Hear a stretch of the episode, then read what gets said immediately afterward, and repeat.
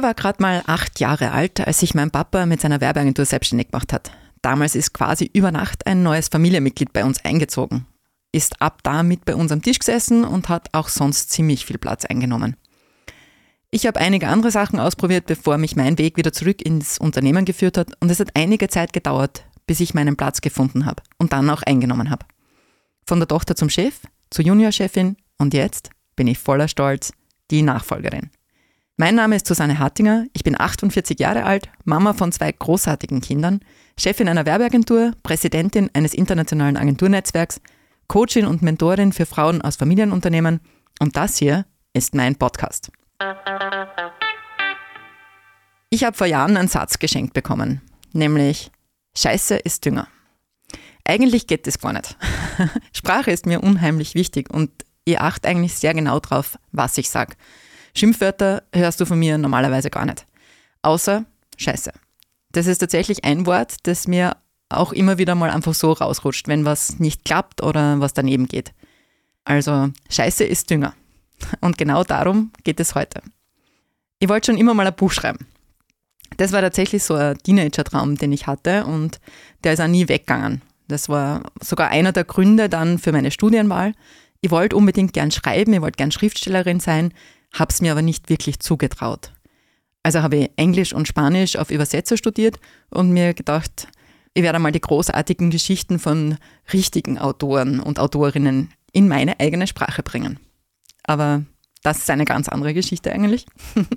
Im Oktober 2023 habe ich beschlossen, ich mache aus meiner Begleitung durch die Rauhnächte ein Coaching-Programm. Also einen Kurs, den man buchen kann und so mit Live-Calls und schriftlichen Impulsen.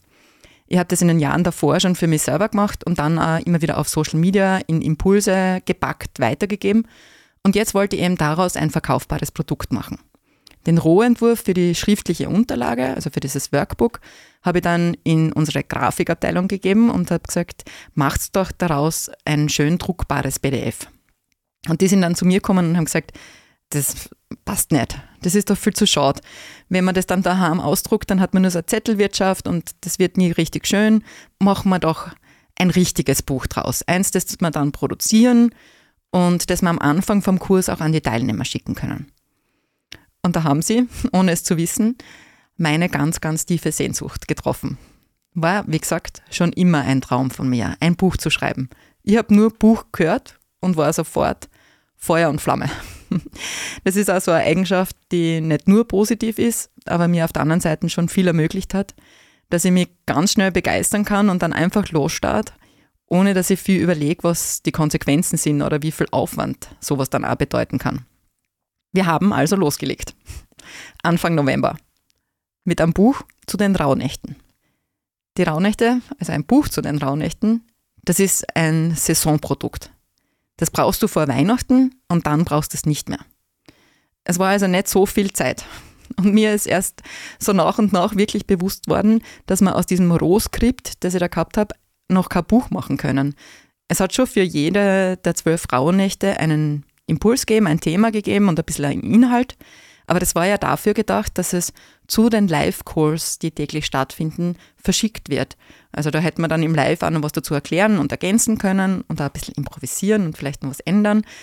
Und jetzt so halt daraus ein Buch werden hätte sollen, da muss das ja alles für sich alleine funktionieren. Da war das dann ganz eine andere Geschichte. Ich habe die Fragen, die da an jedem Tag zum Reflektieren einladen sollen, total überarbeiten und ergänzen müssen. Für manche Tage habe ich gar keine Fragen gehabt, an manchen Tagen habe ich gute Coaching-Übungen, Coaching-Tools gehabt. Die hat es dafür wieder an den Tagen mit den Fragen nicht gegeben. Ja, es hat irgendwie so nicht zusammengepasst. Also es waren die Tage nicht gleichwertig. Und fürs Buch hat es aber dann sein müssen. Also habe ich mir für jeden Tag auch ein Coaching-Tool rausgesucht, Fragen überlegt, das Thema noch einmal gemacht. Ähm, und es war gar nicht so wenig Aufwand. Also das war schon richtig viel zu tun. Dann braucht es ja auch noch eine Einleitung, ein Vorwort, dann ein Schlusswort, dann hat es plötzlich auch noch eine Autorenbeschreibung geben sollen. Ja, Gott sei Dank gut, wie gesagt, dass wenn ich begeistert bin, einfach losstart. Und es war auch gut, dass die Grafikerinnen parallel schon mit der Gestaltung begonnen haben. Die haben ein wunderschönes Grundlayout angelegt und das hat mich extrem motiviert. Ich habe das fertige Buch wirklich schon vor mir sehen können Also das hat mir dann dazu gebracht, wirklich durchzuziehen. War eine sehr intensive Zeit und ich muss nochmal Danke sagen für alle, die da mitgeholfen haben. Ihr wisst, wer ihr seid. Im letzten Abdruck habe ich dann sogar was gemacht, was ich sonst nie mache. Ich habe mich nämlich neben die Grafikerin gesetzt und habe mit ihr gemeinsam nochmal die letzten Korrekturen eingearbeitet. So die Absätze angepasst, die, ja, wo, wo man Formulierungen noch nicht gepasst haben und so, das verändert, damit es auch wirklich perfekt ist. Und es war dann schon später am Tag, wie wir die Druckdaten, ich glaube wirklich so im letzten möglichen Moment an die Druckerei geschickt haben. Ende November. Aber wir waren voller happy und sehr, sehr stolz. In der Woche drauf war dann der Andruck. Das ist in der Druckerei, äh, machen sie das am Anfang, da wird dann sozusagen einmal der Bogen rausgefahren, damit man noch einmal kontrollieren kann, ob das von den Farben her passt und ob sonst auch ähm, alles richtig ist, so wie man sich vorstellt. Da war ich mit dabei und das ist ein unglaublich berührender Moment. Das ist schon ein sehr, sehr besonderes Gefühl, wenn dein eigenes Werk da plötzlich aus dieser Druckmaschine rauskommt habe ich dann auch gleich natürlich auf Social Media geteilt, meine Freude mitgeteilt und also eine Ankündigung gemacht, ah, das Buch ist jetzt in Druck. Ein Foto von mir in der Druckerei und dazu so erste Detailaufnahmen von den Buchseiten. Also eigentlich noch von den Layouts, also in sogenannte Mockups verpackt. Und dann schaue ich am Abend ähm, wieder rein auf Facebook, habe ich eine Nachricht, also eine persönliche Nachricht bekommen von einem Bekannten, den ich eigentlich nur von Facebook kenne. Der hat mir zuerst einmal zum Buch gratuliert und dann hat er geschrieben, was das für ein magischer Moment sein muss, also mich da so sehr bestärkt. Und dann hat er geschrieben, dass ihm aufgefallen ist auf den Mockups, dass sich da ein Fehler eingeschlichen hat. Auf Seite 4, äh, in der letzten Zeile, schwebt so ein herrenloses W am Anfang durch die Gegend. Hm. Er hat mir das geschrieben, weil er gedacht hat, es gibt vielleicht noch irgendwie eine Möglichkeit, dass man das korrigieren kann, dass man vielleicht den Druck noch verändert, was nachdruckt, ähm, ja, einfach noch eingreifen kann.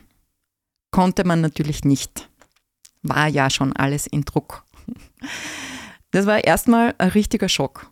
Das kann doch nicht sein, echt nicht. Da steckst so viel Liebe und Energie und Zeit rein, kontrollierst alles doppelt und dreifach und dann passiert doch was. Ich weiß, dass ich fünf Jahre früher, vielleicht sogar noch drei Jahre oder sogar zwei Jahre früher, in dem Moment vollkommen die Freude an dem Buch verloren hätte. Ich glaube, der Ärger und der Frust, die hätten mir auch dazu gebracht, dass ich das ganze Projekt ablos und diese Ausgabe sogar einstampfe und nochmal von vorn anfangen, was ich vor Weihnachten einfach nicht mehr ausgegangen wäre. Mal davon abgesehen, dass es kostentechnisch einfach auch total sinnlos ist. Und ich war dann unglaublich stolz auf mich selber, wie ich erkannt habe, dass das jetzt gar nicht so ist. Sicher habe ich mich geärgert, ähm, und im ersten Moment war es ein Schock, aber es ist auch sofort die Erkenntnis gekommen, das ist trotzdem gut. Es geht nicht um diesen einen Fehler. Der macht das ganze Buch nicht schlecht. Der zeigt nur, dass etwas nicht perfekt sein muss, um trotzdem wunderschön zu sein. Das hört sich jetzt leichter an, als es ist. Wir lernen ja unser ganzes Leben lang auf die Fehler zu achten, also hinzuschauen auf das, was falsch ist und nicht auf das, was gut ist brauchst nur an die Schule denken, da schreibst seitenlange Aufsätze und das Einzige, was du dann siehst, wenn du das vom Lehrer zurückkriegst oder von der Lehrerin, sind die rot angestrichenen, ganz fett markierten Fehler. Wir sind darauf trainiert, die Fehler zu erkennen. Und es hat auch was Gutes. Wir könnten ja sonst nicht daraus lernen. Aber es macht uns halt auch oft unmöglich zu sehen, dass etwas einen Fehler haben kann und trotzdem schön sein kann. Oder dass vielleicht gerade weil es nicht perfekt ist, etwas ganz besonders schön ist. In dem Fall war es auch tatsächlich so, es hatte auch was Gutes, weil es hat den Martin dazu gebracht, dass er mir geschrieben hat. Wir haben uns vorher noch nie geschrieben, wir haben uns immer nur so auf Facebook beobachtet und wir haben uns dann sogar ausgemacht, dass wir uns auch mal im echten Leben treffen. Haben wir übrigens noch nicht gemacht. Also Martin, falls du das hörst, wir haben noch ein Treffen offen. Und jetzt wirst du vielleicht sagen, ja, eh schön weiß ich doch. Fehler sind gut, man kann nur aus Fehlern lernen. Aber was ist denn eigentlich, wenn was passiert, aus dem man einfach nichts lernen kann? Was hilft mir das, wenn das Schicksal zuschlägt, wenn ich gar nichts dafür kann, wenn es nicht meine Schuld ist, wenn ich nichts machen kann? Die Folge, die du gerade hörst, hätte eigentlich eine ganz andere sein sollen. Für Folge 5 stand nämlich etwas ganz Besonderes bei mir am Plan. Ja, ich habe tatsächlich einen Plan. ich habe mir überlegt, dass es nach vier Folgen spannend wäre, ein bisschen Abwechslung reinzubringen und einen Gast einzuladen, damit du nicht nur immer meine Stimme hörst, sondern da auch ein bisschen unterschiedliche Einblicke und Sichtweisen zur Sprache kommen. Und ich habe einen echt großartigen Gast gefunden, nämlich mein Papa. Er hat sich bereit erklärt, in den Podcast zu kommen und mit mir über seine Geschichte, seine Sicht der Dinge und natürlich auch über das Thema Nachfolge zu sprechen. Und wir haben uns am Dienstag, Fasching-Dienstag, das war wahrscheinlich schon ein Zeichen, hätten wir ernster nehmen sollen, gemeinsam einen Weg ins Studio gemacht und haben dieses Gespräch aufgenommen. Und es war echt großartig. Super persönlich, sehr, sehr inspirierend, unterhaltsam. Ich habe voll viele Sachen zum ersten Mal gehört. Es war auch sehr wertschätzend und sehr liebevoll. Und sehr lang.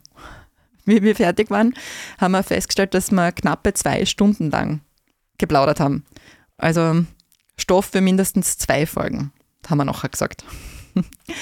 Den ersten Teil dieses Gesprächs hättest du heute, hier und jetzt auch hören sollen. Aber wie sagt man? Manchmal kommt es anders und meistens als man denkt. Dienstag am Abend hat mir der Alex von Das Bot, der in so großartiger Weise alle meine Podcasts produziert, auf WhatsApp geschrieben, dass was passiert ist. Ein Fehler auf der Speicherkarte. Er war das richtig merkt, dass das in der Nachricht merkt, total betroffen und auch leicht schockiert. Ich dann auch. Ich glaube, die haben bis jetzt äh, um die 400 Podcast-Folgen aufgenommen und sowas hat es noch nie gegeben. Aber bei dieser Folge eben schon. Es gibt einfach in regelmäßigen Abständen Aussetzer. Das heißt, es fehlt ein Wort, teilweise sogar ganze Ersatzteile, sind einfach verschluckt, nicht zu hören. Ein technischer Fehler. Es kann halt passieren. In jeder anderen Folge überhaupt kein Problem. Ich komme wieder her, setze mich hin, versuch's noch einmal. Ich habe ja ein Skript dazu, irgendwie geht es dann schon. In der Folge schwierig. Schließlich war es mein Papa und es war ein Gespräch, ja. Das ist nicht einfach so nachzuproduzieren. Wir haben dann die verschiedensten Möglichkeiten durchdiskutiert. Hat ganz unterschiedliche Lösungsvorschläge angeboten und hat da bis in die Nacht versucht, das Material so zu schneiden, dass man die Aussetzer nicht hört. Wir haben den Plan gefasst gemeinsam, dass ich nochmal ins Studio fahre und die fehlenden Übergänge bzw. die Fragen neu formuliert, neu einspreche. Und heute am Weg jetzt hierher ins Studio habe ich das alles wieder umgeworfen. Ich habe mich anders entschieden. Das Gespräch mit meinem Papa ist viel zu wertvoll. Ich will keine zusammengeschnittene Version davon. Das soll keine halbe Sache sein. Das ist was Besonderes. Und auch wenn ich es unglaublich schade finde, so will ich das nicht. Es ist scheiße. Aber gleichzeitig ist mir der Satz in den Sinn gekommen, Scheiße ist Dünger. Wir bleiben ganz oft bei Scheiße stehen. Wenn etwas schlecht läuft oder nicht klappt, wenn es vielleicht sogar ganz daneben geht oder halt was richtig Schlimmes passiert, dann sagen wir Scheiße. Und dann sehen wir auch nur die Scheiße dann kommen alle die Emotionen hoch. Ärger, Frust, Grant, vielleicht auch Traurigkeit und Verzweiflung.